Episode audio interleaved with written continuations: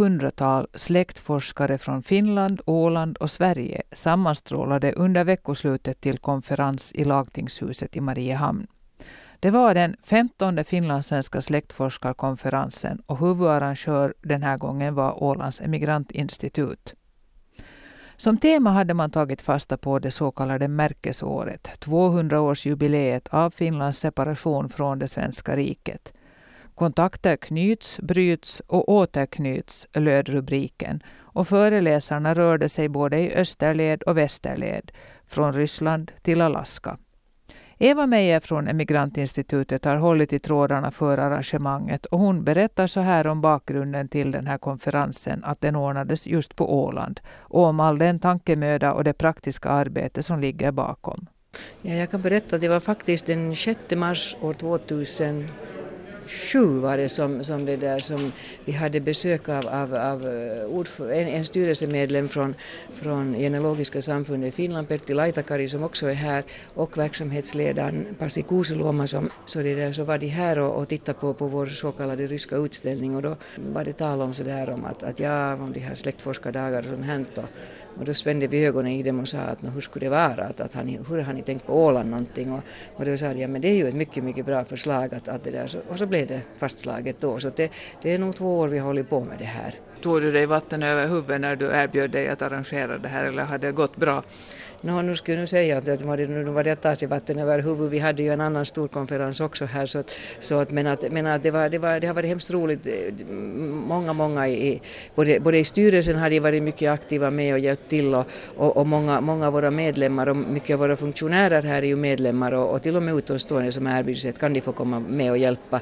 Så det har varit en massa händer som, som har hjälpt till här så att på det viset har det ju gått. Hur har ni tänkt när ni har lagt upp det här programmet? Alltså vad ska det ge dem som kommer hit? No, vi hade ju, när vi satt och tittade och funderade och planerade så, så plötsligt märkte vi att du att nu hade vi ju den turen att det var ett 200-årsjubileum det här från, från 1809 till 2009 så vi beslöt att, att, att nu, nu, bygger, nu, nu slår vi på stort och, det där och, och gör, gör det här programmet riktigt så här vittomspännande och, och, och det där. Och vi tänkte att, att nu är det nya tider att, att 1809 gick det så där. Sen hade det varit en parentes när man, när man, när man har varit hänvisad bara ungefär till vad som finns i ett eget land eller, eller de som, som har varit så att säga öppna.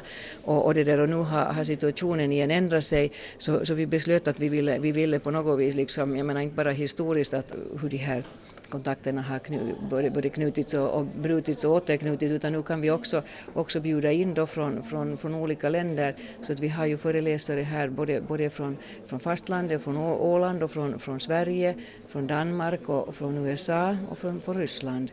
Så att, så att på det viset har vi kunnat, kunnat också på det viset knyta ihop alla de här som, som på, på ett eller annat sätt nästan var, var delaktiga då, då år 1809 och nu, nu är de igen på, på något vis alla, alla här och, och lite utvidgat till och med. Så, att, så det, var vår, det var vår tanke att, att göra det ganska stort och, och omfattande och, och, också det att, att, att belysa, belysa de här 200 åren ur, ur många olika perspektiv. Och, och det, det, är ju ganska, vårt program är ju, är ju mycket, mycket det där omfattande på det viset också. Ja, no, det pågår ju två parallella program kan man säga. Ett som är då det här mera de, de stora historiska skeendenas program, men sen, sen också ett som kanske då mera är sån här praktiskt eh, fortbildning för släktforskare om jag kan bedöma utifrån rubrikerna. Eh, skiljer sig de här dagarna från hur de brukar vara upplagda just i den delen att, att den här, det här stora historiska sammanhanget betonas så mycket?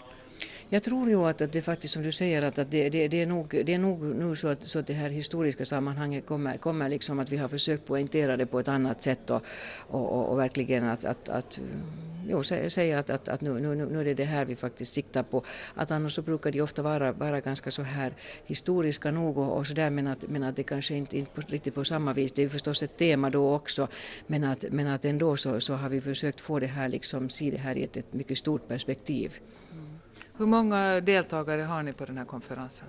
No, vi, har, vi har eh, 120 deltagare som har anmält sig men då har det ju också varit så att, att, att vi har sagt åt ålänningarna att, att, att det egentligen är det ju bara till de här middagarna och utfärden som vi gjorde igår afton till, till Eckerö post och tullhus och, och, och Hotell Elvira, till, till dem man behöver anmäla sig. Att sen att, att den som vill komma bara på föredrag så behöver inte anmäla sig alls. Så där, där är ju lite så att vi, jag vet inte hur vi, vi får väl sitta och räkna eller, eller tänka att jo, den, den och den och den och den har inte, det är ju det goda på Åland att man känner igen så man vet att, att den, den, de har kanske inte anmält sig så, det där, så, så kan vi därifrån lite rekonstruera sen hur mycket deltagare det blir. Men 120 var förhandsanmälda, alltså det är då folk som kommer bort ifrån? Jo, precis det. Precis. De kommer från, från, från, från fastlandet, har det kommit till och med en hel grupp från, från, från, från Hangö-Ekenäs-trakten och, och sen kommer det mycket från Sverige och sen har vi från Danmark, från Tyskland, från, från USA och, och till och med från Kanada har vi, har vi gäster här. Men, men konferensspråket är likväl svenska, det är ingen tolkning här? Nej, nej vi, vi har utgått ifrån att, att de flesta ändå kan, kan det där eh, svenska som, som kommer hit och, och det där och sen har vi också, också vi har ju vår, vår, vår en, en professor, eh, Andrei Valterovich Grinjov från, från, eh, från Sankt Petersburg och han, han kommer att hålla sitt, sitt föredrag på ryska men med tolk och, och det där så att, så att eh, också det och det finns, finns en del i, i publiken också och andra, andra föreläsare som också kan ryska så att, så att nu har det blivit lite ryskt också den här gången att det är kanske inte så mycket engelska som det i allmänhet brukar bli. Sa alltså Eva Meijer från Emigrantinstitutet. Kulturminister Britt Lundberg höll ett hälsningsanförande till konferensen där hon bland annat poängterade släktforskningens betydelse för vår samlade historiska kunskap Också mot bakgrund av att det officiella dokumenterandet av människoöden inte längre hinns med i museibyråns bantade organisation. Alltså det som av professor emeritus Nils Storå lyfts på bordet redan för ett par år sedan, nämligen etnologins kris inom museibyrån. Att ingen längre har tid att i dokumentationssyfte intervjua gamla människor är ett problem, sa Britt Lundberg. Jo, visst ser jag det som ett problem. Och vi ska inte säga att vi inte hinner alls men vi hinner för lite om man tänker på vilken skatt det finns att bevara. Men det är ju så när det gäller, gäller musealt arbete att, att det är vad man skulle vilja göra och vad som är möjligt att göra så finns det ett ganska stort glapp emellan. Just därför att, att eh, att ta tillvara allting så kostar väldigt mycket pengar och, och tar väldigt mycket tid. Så att eh, därför är det så fint också att det finns att det, att det finns ett sånt stort intresse för släktforskning också som är ett bra komplement till till det vad man inte hinner med inom det officiella Åland då, så att säga. För det här är en kompletterande skatt som alla dessa släktforskare tar fram. Mm. Problemet är ju det att ingalunda alla släktforskare publicerar vad de får fram utan det är sånt som stannar ofta kanske inom den egna släkten, den egna familjen. Och då bidrar det ju inte till vår kunskap, så att säga, den generella kunskapen om svunna dagar. Nej, definitivt är det så och, och, det var väl kanske lite det jag försökte peka på också att, att värdet i att man faktiskt, ja, jag använder ju inte ordet publicera, men att man på olika sätt sparar. Man, en del gör, nöjer sig med att göra sina släktträd men det finns ju också många som gör ganska ambitiösa släktböcker av olika slag. Men sen också att man kanske det finns ju också en möjlighet att, att, att förtäta samarbete också mellan, mellan det offentliga Åland då, så att säga och det mera inofficiella forskar-Åland. Men jag tror också att det är många som, som kanske tycker att vad skulle det här vara värt och vad är det här vad är det här av vikt av det vad man får fram? Men jag tror att det kommer fram väldigt mycket skatter som, som vi, precis som du säger, inte, inte alls får del av. Men finns det då i, under rådande ekonomiska omständigheter några som helst utsikter att, att museibyrån i framtiden skulle få eh, fler etnologer så att man åter skulle ha möjlighet att göra de här dokumenterande intervjuerna som ju tidigare gjordes med viss ordning i varje fall, men som nu då inte hinns med. Nej, ut, nej det, alltså det finns inga utrymmen i dagsläget för några utökningar. Det, det, det är tyvärr det trista beskedet som jag är tvungen att ge inom alla, alla sektorer och det, det, det, det gäller för oss, oss allihopa att vi har ju en, en, en extrem ekonomisk situation som vi, som vi ska i alla fall försöka få bästa, bästa möjliga ut av. Men att det är vad det handlar om istället så är ju det att, att vi tydligare måste också då inom det arbete vi gör också då prioritera och lägga olika tyngdpunkt under olika perioder. Och sen det är ju liksom så också att det finns etnologisk kompetens också inom museibyrån även om, om, om antalet tjänster inte är lika många som de har funnits tidigare. Och där handlar det ju sen om, om vem som gör vad och hur man lägger upp arbetet. Du hedrade också minnet av eh, den tidigare chefen för landskapsarkivet, Håkan Axelsson, det hölls en tyst minut här. Kommer han att få en efterföljare eller är den tjänsten också indragningshotad nu i dessa besparingstider?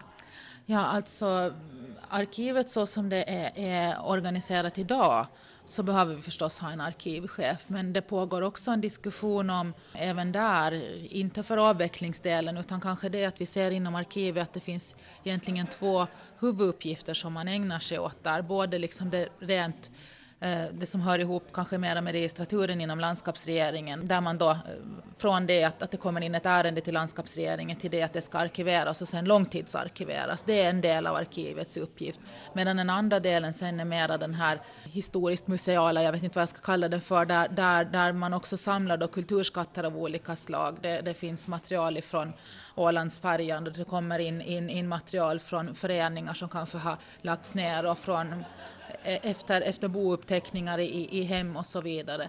Och, och där museibyrån också har ett, ett visst arkivarbete inom sig. Så att här, här tittar vi just nu på, innan vi tillsätter en, en ny arkivchef, på att om det liksom finns helt enkelt behov av att, att, att, att ha en annan indelning eller en annan organisation. Men vi har inget klart på den punkten ännu utan vi för liksom diskussioner och fungerar.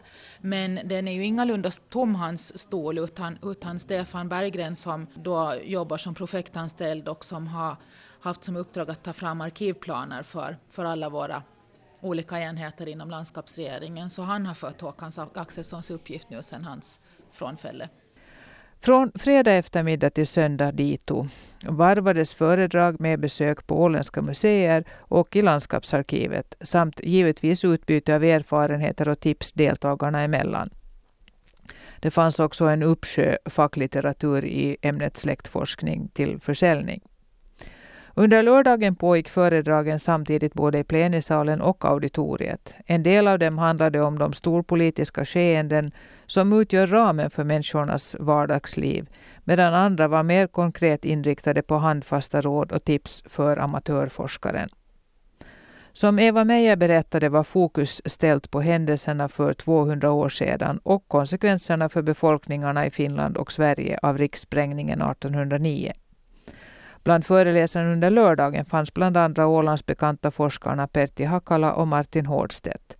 Kasper Westerlund talade om hur den finländska sjöfarten utvecklades efter Finlands införlivande med det ryska riket. Och på söndagen flyttades fokus längre österut då kyrkoherde Eero Sepponen berättade om den svenskspråkiga Sankta Katarina-församlingen i Sankt Petersburg förr och nu. Församlingen hade som mest 7000 medlemmar, det var kring 1880, och merparten av dessa var födda i Finland. Före första världskrigets utbrott var antalet cirka 5000, men under Sovjettiden gjordes kyrkan om till gymnastiksal, vilket också framgick av de bilder Sepponen visade där basketkorgar och madrasserade väggar vittnade om kyrkobyggnadens andra användningsområden. En av de mera långväga gästerna, Margarita Nikamo Chouquet, bosatt i Salt Lake City, informerade om de evangelisk-lutherska församlingarna i nordöstra Europa och västra Ryssland samtidigt som hon demonstrerade den internetbaserade sökmotorn som mormonerna tillhandahåller för släktforskare. Handfasta tips och råd om hur man som enskild släktforskare kan komma vidare när man kört fast är givetvis av intresse för en publik som denna och sådana levererade bland andra Ted Rosvall från Sverige under lördagen i ett mycket informativt anförande om hur man hittar Amerika-emigranter via en lång rad olika databaser. Och det är många som är betjänta av dessa. Bara från Sverige har 1,3 miljoner utvandrat till Amerika under åren 1840 till 1930. Också Åland hade en stor Amerikaemigration. Mer än 7000 ålänningar emigrerade mellan åren 1870 och 1914. Och vill man veta mer om sina anförvanter som har utvandrat västerut ska man börja gräva där man står, underströk Ted Rosvall. Börja i den egna församlingens husförhörslängder och folkbokföring.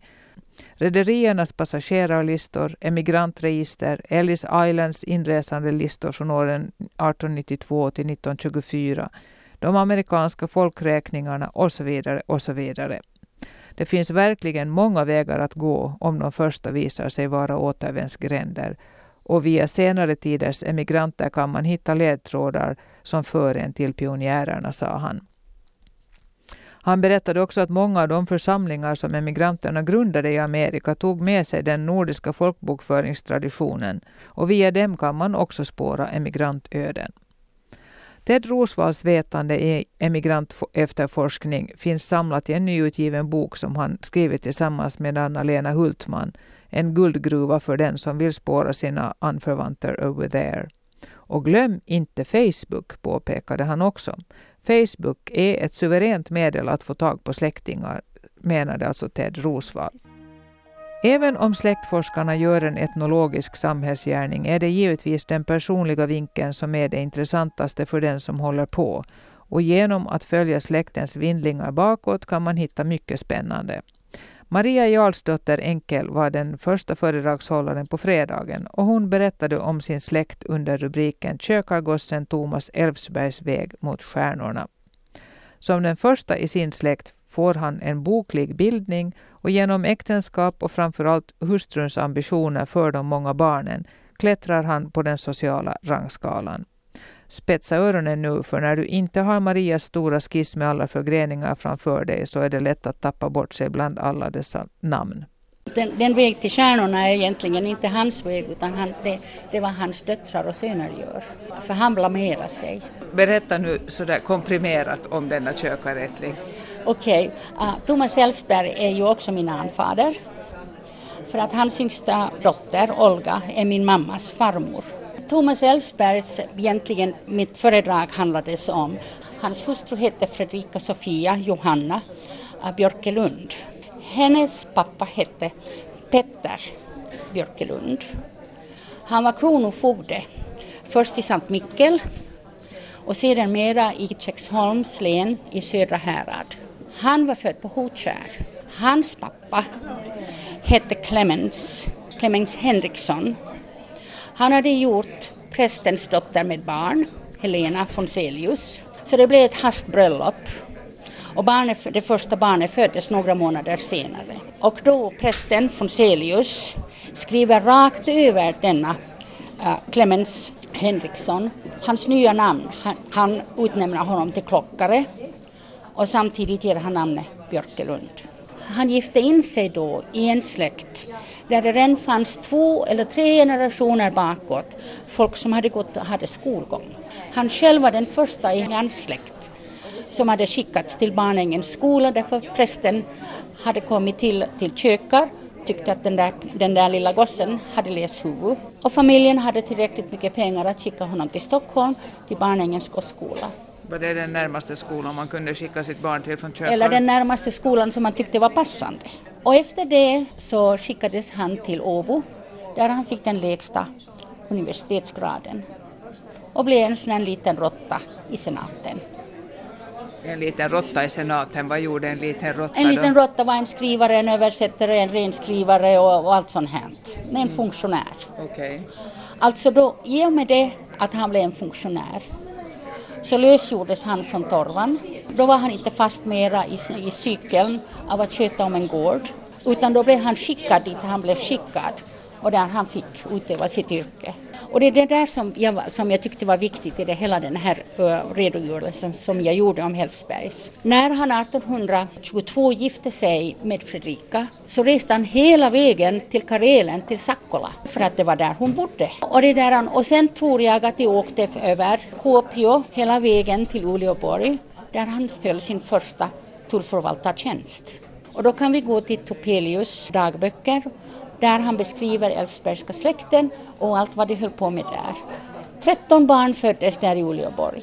Sen gjorde han ett misstag. Misstaget vet jag inte riktigt vad, som, vad det var.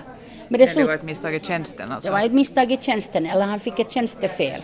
Detta tjänstefel åstadkom att han skickades som straff till Eckerö. Och Eckerös uh, tullförvaltare fick hans plats i Uleåborg.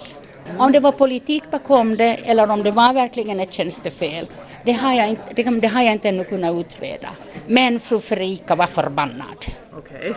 För hon hade två gifta vuxna flickor och vad var det, fanns det någonting passande som kunde erbjudas. Hon hade ju dock sin släktstånd att hålla uppe.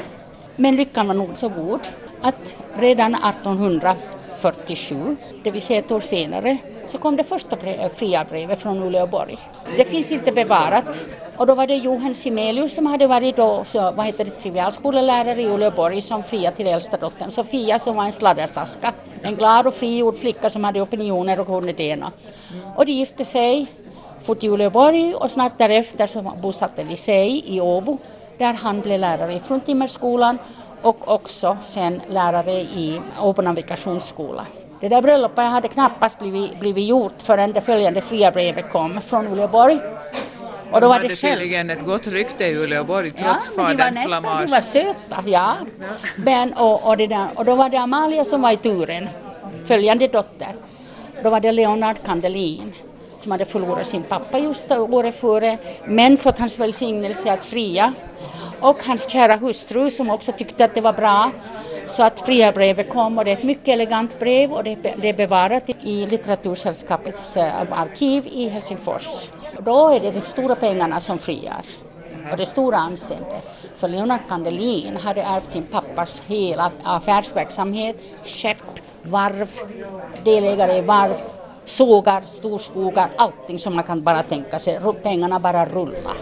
Det bröllopet skedde också på Ekerö, Ekerö kyrka. Sen kommer Krimkriget. Skarpans försvinner, Bomarsund försvinner, ryssarna försvinner. Och, och vad sker då? Där sitter hon med en hel rad med söner och sen en hel rad med döttrar som ännu är ogifta och unga. Sönerna, den äldsta av dem, Edvard Alexander Elfsberg, han har varit med i kriget, han har blivit sårad.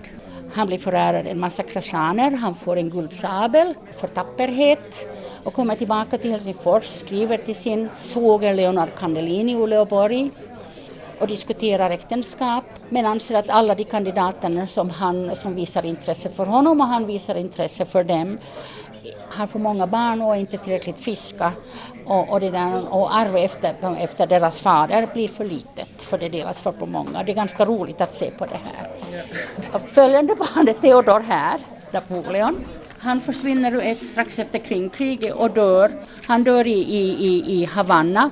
Theodor, Napoleon Ellsberg, han dör uh, som soldat troligtvis, jag vet inte exakt. Sen har vi de här flickorna, Matilda och Fredrika. Gud vare lov, så slipper de bort från Eckerö. Och då kommer de till ett utbränt Lovisa. Men Lovisa har stor sjöfart. Där finns det stora handelsmän. Handelsmän som hämtar in varor till hela Päijänne-distriktet och för ut bredvaror runt hela världen från Päijänne-distriktet. Där finns det folk. Och strax därefter så gifter sig då Matilda med, med Karl Alfred Johan Björksten som var en stor redare och affärsman. Den följande flickan gifter sig med, med prosten Axel de gifter sig liksom... Eh, Ståndsmässigt. Ja. Det är uppåt, uppåt, uppåt hela tiden. Där är stjärnorna ser du. Just så, men är det, är det de själva barnen som strävar uppåt eller är det den här mamman som har ambitioner? Jag är säker på att det är mamman som har ambitioner. Har, har inte alla mammor ambitioner? Thomas Oskar Birger Ellsberg, han dör i lungsot, ogift. Ingen av de här barnen, utom då Amalia som trillar ur det bara barn, men ingen av de andra får något barn. Hugo apotekaren gifter sig med en av de stora redarfamiljerna och skeppsredarfamiljerna i, Lovisa också, Emilia Lindfors. Frans Leonard Ellsberg som jag tror inte var sjökapten men jag är inte säker på, han dör också. Eh, ah, 1867 och Olga Regina Nanni Margareta Ellsberg, den yngsta utav de här döttrarna, ja, det är min släkt. Hon är redan liksom lite sådär ska man säga, lite vissnad. Hon är redan över 30 när hon gifter sig med Karl Evert Stenius som är också född i Lovisa. Han är sjökapten och lärare i Långbo navigationsskola. Tidsmässigt blir han rektor i navigationsskolan. Hon får på halsen sju barn från hans första äktenskap som hon ska, som hon ska uppfostra och två egna söner av vilka den ena dör och Arvid Evert Stenius, det är min mammas pappa som gifte sig med Jarl Robert Enkel och här är jag. Det berättade alltså Maria Jarlsdotter Enkel. Att släktforska handlar just mycket om att hitta sig själv, hävdar ordföranden i G-gruppen i Sverige. G står för genealogi över Östersjön och dess ordförande heter Ottfrid Tjajka. Det är ett sätt att hitta oss själva och att hitta vår egen identitet. Och jag tror att det är allt viktigare i en värld där vi, en värld där vi har kanske, eller tenderar till att få allt mindre identitet. Därför eh, allt är globaliserat och vi tar det som finns här och det som finns någon annanstans. Men i, i slutändan spelar det ingen roll um, om vi är i New York eller uh, i Stockholm eller i München eller någon annanstans därför det är en slags McDonaldisering. Allt ser lika ut, vi använder samma klädplagg, vi har samma tankar, vi lyssnar på samma musik. Eh, men den här likformigheten tror jag den ökar trycket för människorna att ändå hitta det som är unikt med sig själv. Och då börjar man fundera vem man egentligen är, förutom det här kommersialiserade och McDonaldiserade, att man verkligen försöker att hitta det som utgör mig själv som person. Och då kan det vara så att man går tillbaka till det här att man försöker rota i sina rötter eh, och komma underfund med var kommer man egentligen ifrån. Kanske hör du också lite grann att uh, den som talar nu är faktiskt teolog i grund och botten. Um, Jaha, är du, är du det? Ja, ja, ja det, okay. det, är så att jag har naturligtvis den ingången och det är kanske också min yrkesskada att jag försöker alltid se i ett kanske mycket sekulariserat och icke längre religiöst samhälle ändå dessa spår som är egentligen religiösa och dessa frågor som vi sysslar med. Och jag har sett att väldigt många människor, det kan vara ungdomar som jag har undervisat i skolan. Det kan vara studenter som jag har haft på universitetet. Det kan vara folk som kommer till min nuvarande arbetsplats, Kungliga biblioteket, som sysslar med den frågan. Vad är Sverige? Vad är Europa? Vad är jag? Med sådana identitetsfrågor. Och där tror jag kan, kan släktforskningen hjälpa. Men naturligtvis kan vi koka ner det här hela som möjligtvis blir lite för filosofisk och teologisk. Varför ska man göra det här och syssla med släktforskning?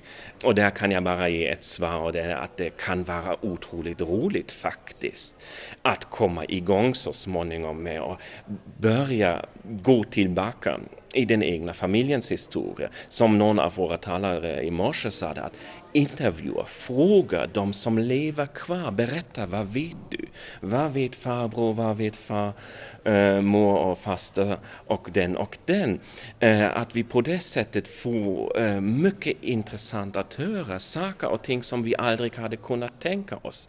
Kanske den stora hemligheten som utgör vår familj, eller som har funnits för 60, 70, 80 år sedan. Och det kan vara skitroligt för det första, bara börja med det här. Sen blir det kanske ännu roligare när man skaffar sig lite kunskap, att kunna läsa äldre dokument, att kunna gå till ett arkiv och rota i dokumenten, i samlingar, i volymer, i pärmar. Det är faktiskt någonting eh, som är, kan vara en väldigt trevlig hobbyverksamhet att göra. Och sen kommer man naturligtvis tillbaka till det här. Man kommer att få när man hittar någonting och jag kan lova att var och en som börjar släktforska kommer att hitta någonting. Det är alltså inte så... Någon familjehemlighet menar du då? Ja, någon familjehemlighet. Alltså jag kan, kan berätta fantastiska historier ur min familj och det dök upp den här morfars fan 1918 som äh, begick, äh, ja inte självmord egentligen, men han valde att dö i en duell till exempel. Och inte i en vanlig duell utan i ett amerikansk duell som man det kallade för då. Det beror på att han var född i USA och han visste att det är egentligen förbjudet med dueller och då måste man göra en lottning eh, mellan de två duellanter så att den som drar det kortare strået måste begå självmord inom några dagar. Sen var det på 90-talets början efter att mina morföräldrar redan hade dött båda två.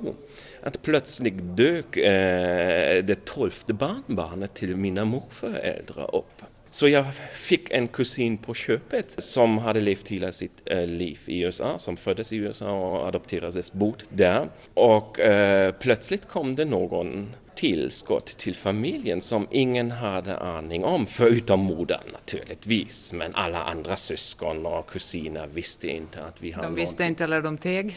Nej, de visste faktiskt inte, okay. därför det var en äh, välbehållen hemlighet. Mm. Och sen visste modern själv inte, därför hon hade adopterat bort barnet, var barnet hade hamnat. Och hon hade inget intresse, men barnet själv började släktforska och försökte hitta sin mor. Och det var ganska invecklat genom ett födelseintyg från ett amerikanskt sjukhus tillbaka äh, till Tyskland som inte mm eh, som på grund av eh, andra världskriget har ju missat områden och det kan vara svårt att hitta i kyrkböcker. Och, sen sökte sig via Röda Korsets register och slutligen efter många års slitande hittade sin mor och hittades därmed hela familjen. Det är sånt där som brukar kunna dyka upp annars i samband med bouppteckningar och då är kanske de där andra släktingarna inte alltid så lyckliga över att det plötsligt står där en, en, en arvspretendent som ingen har hört talas om. Det är absolut sant, alltså, eh, det är kanske inte den stora lyckan i sådana sammanhang men jag måste säga att jag kände mig väldigt lyckligt över att få veta en sån spännande historia och få ett tillskott i familjen. Och sen var det en rolig sak när min lilla syster såg äh, min tillkomne kusin från USA och promenerade där, eh, vi bor i Bayern, gjorde en lång promenad. Och sen efter att hon hade kommit hem från promenaden då, då tog hon mig vid sidan och sa det till mig, du hörde Ottfrid, han Darin, kusinen, han går lika konstigt som du. Det finns någonting i generna. Ja, jag trodde alltid att det är du som är lite handikappad som går lite konstigt. Eh, nej, det ligger i generna. Så det tyckte jag var otroligt roligt att man också kan se sådana saker naturligtvis på levande människor. Men naturligtvis också på de döda, att man kanske ser ja, de har gjort det här och kanske har det gått i familjen. Om man ser så att säga, de praktiska förutsättningarna för släktforskning så har, har ju den här datoriseringen gjort en väldig massa arbete enklare. Jag menar, de finns inskannade kyrkböcker och så vidare. Att du behöver inte fysiskt förflytta dig så mycket, du kan, du kan jobba över nätet. Men samtidigt om man tittar framåt, hur ska det bli med släktforskarna i framtiden när vi numera inte skriver brev och dagböcker som sparas i i, i familjer eller i arkiv, utan allting är e-mail och så är det sms och så är det puts väck. Mm. Det är en väldigt intressant fråga faktiskt. Alltså först och främst, den här digitaliseringen är naturligtvis otroligt bra för släktforskare därför vi kan hitta, sitta hemma, vi måste inte nödvändigtvis gå till ett arkiv utan eh, vi kan sitta hemma och vi måste inte eh, ha dyra resor eller något sånt. Och det kan vara lättare när digitala dokument är eh, indexerade att hitta dokumentet. Det är kanske inte så att man måste sitta i tre dagar i ett arkiv och sen hittar man efter många timmar timmars slitande det dokumentet man är ute efter. Ändå eh, tror jag, alltså, även om vi har redan väldigt mycket tillgängligt i digital format, eh, det finns ännu mera material som är inte tillgängligt i digital format. Vilket eh, gör det på sikt fortfarande nödvändigt faktiskt att eh, vi beger oss ut till arkiv och forskar i dem. Sen vill jag också påminna om att det är bildande och det är väldigt viktigt att vi beger oss ut för att besöka de platser där vår familj har levt någon gång. Eh, för min del kan jag berätta om att jag för två år sedan, nästan precis två år sedan, för första gången i mitt hela liv såg min fars hemstad Breslau. Och det var en fantastisk upplevelse.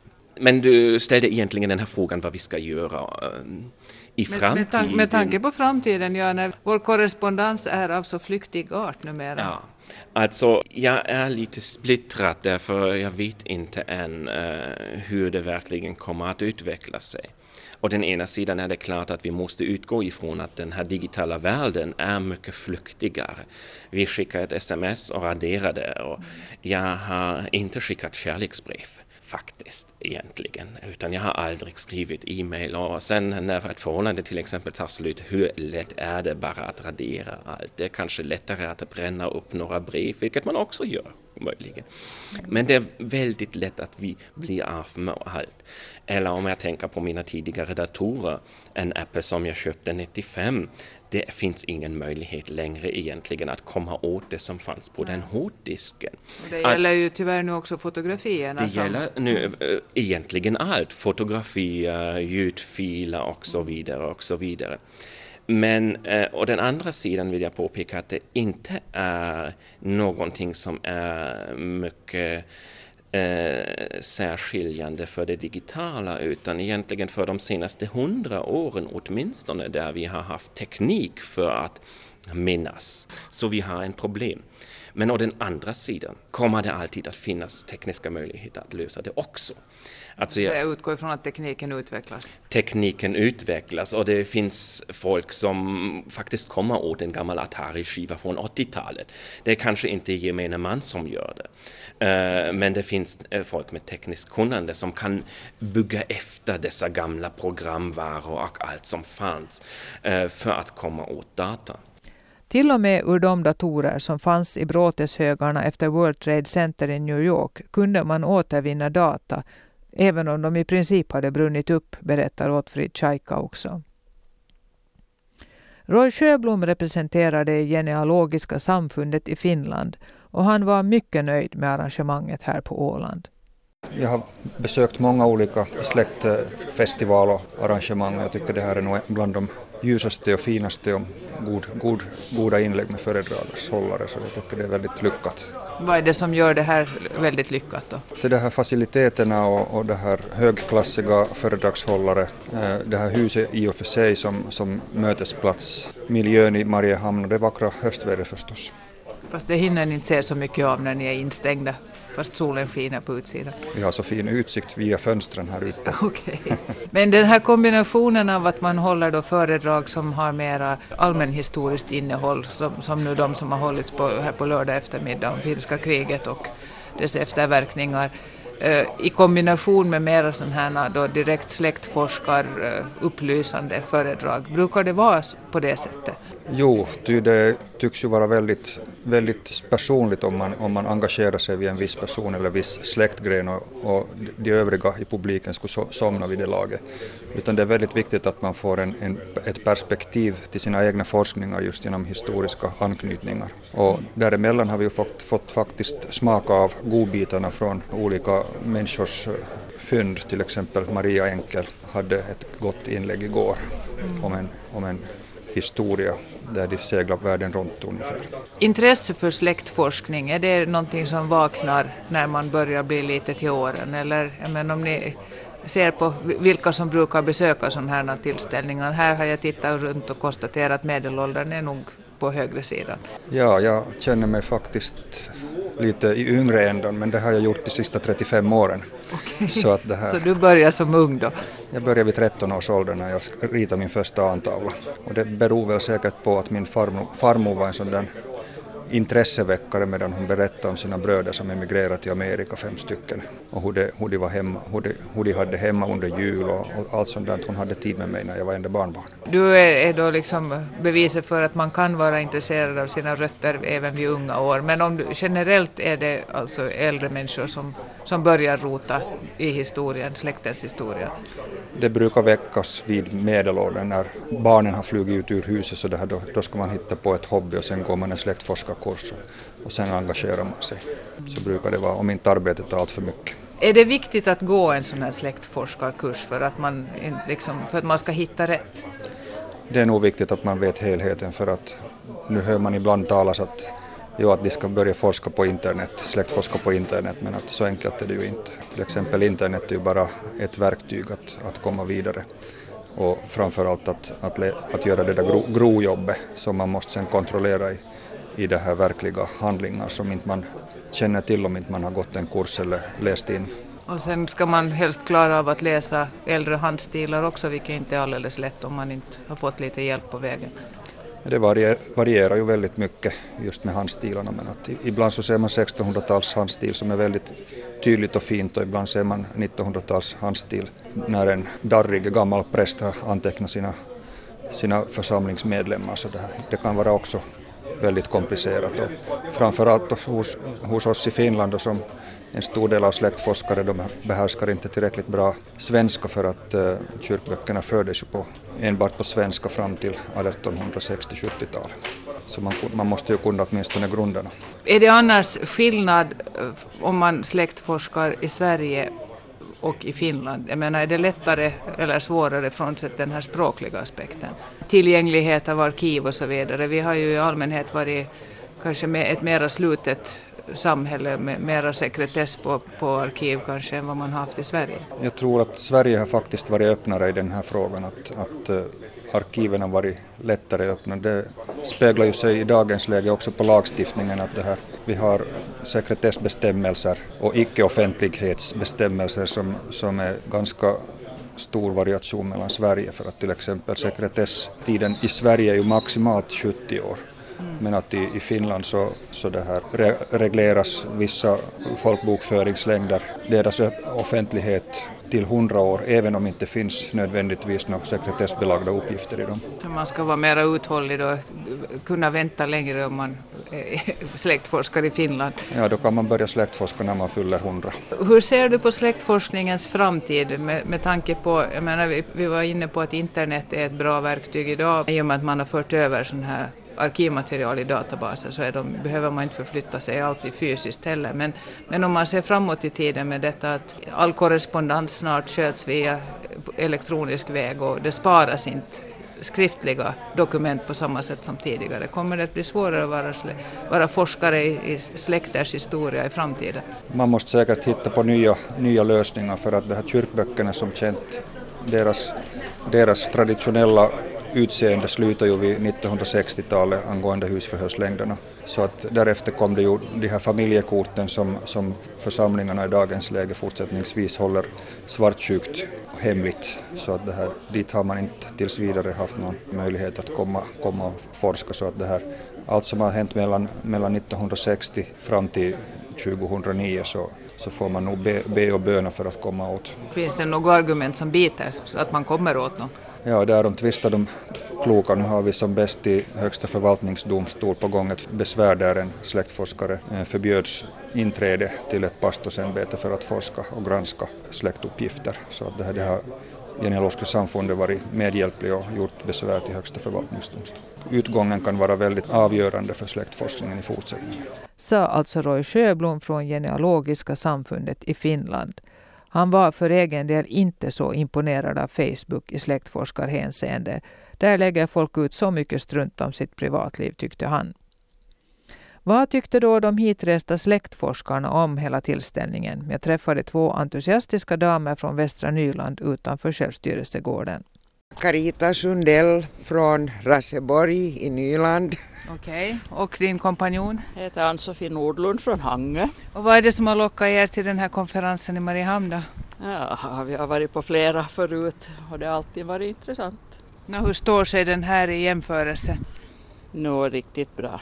Vad har varit den främsta behållningen så här långt? Alltså alla dessa föredrag, både om nu det här skilsmässan från Sverige och, och, och nu ska vi ju just lyssna på det, Martin Hårdstedt och, och det har nog varit liksom väldigt fina föreläsningar här och mycket trevligt annars också.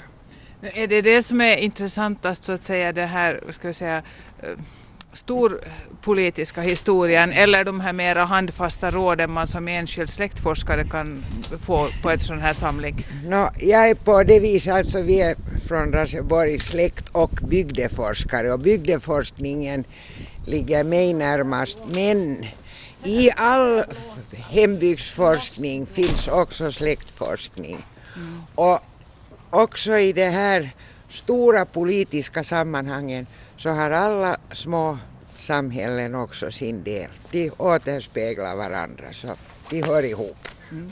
Håller du med eller har du några andra Nej, synpunkter? Jag är inte så mycket hembygdsforskare att jag är nog mera släkt och här har jag nog lyckats få en hel historia ihop genom att tränga på en kar och fråga vet du någonting om det och så råkar det vara släkt och bla bla bla.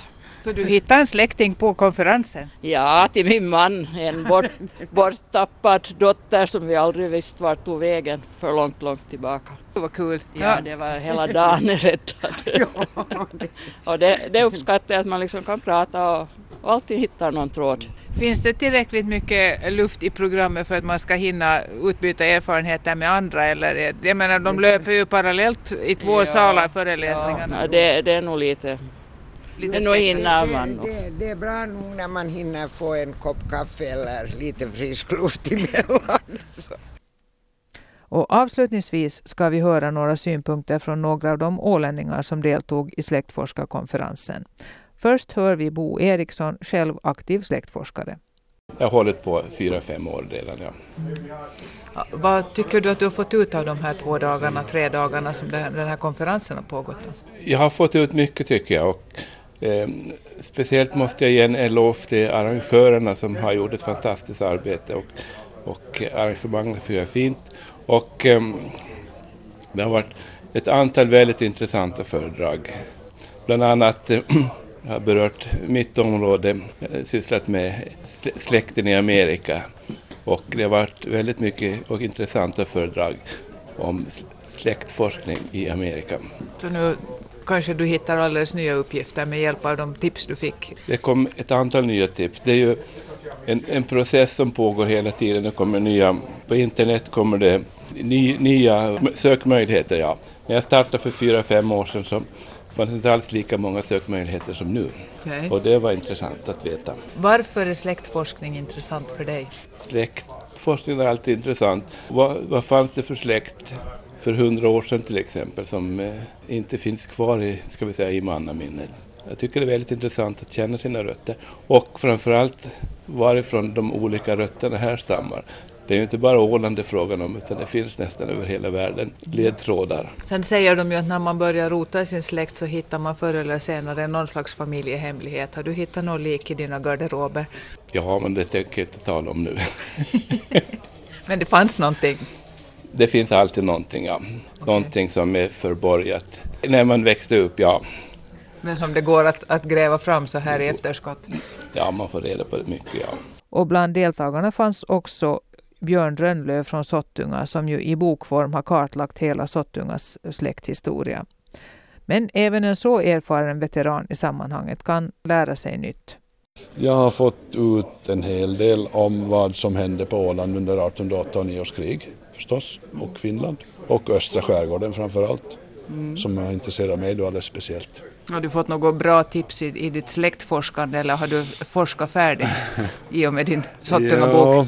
Ja, speciellt idag nu på söndagen så har vi hört föredrag om hur man forskar i Ryssland via Family Search och jag skulle kunna tänka mig att den vägen få lite uppslag om hur man gör för att hitta Gensel som ju bodde på Sottunga under en stor del av sitt liv. Finns han inte med i din, din sammanställning av, av Sottunga släkter som har kommit i bokform? Jo, han finns nog med med hela sitt liv alltså på Åland och Sottunga.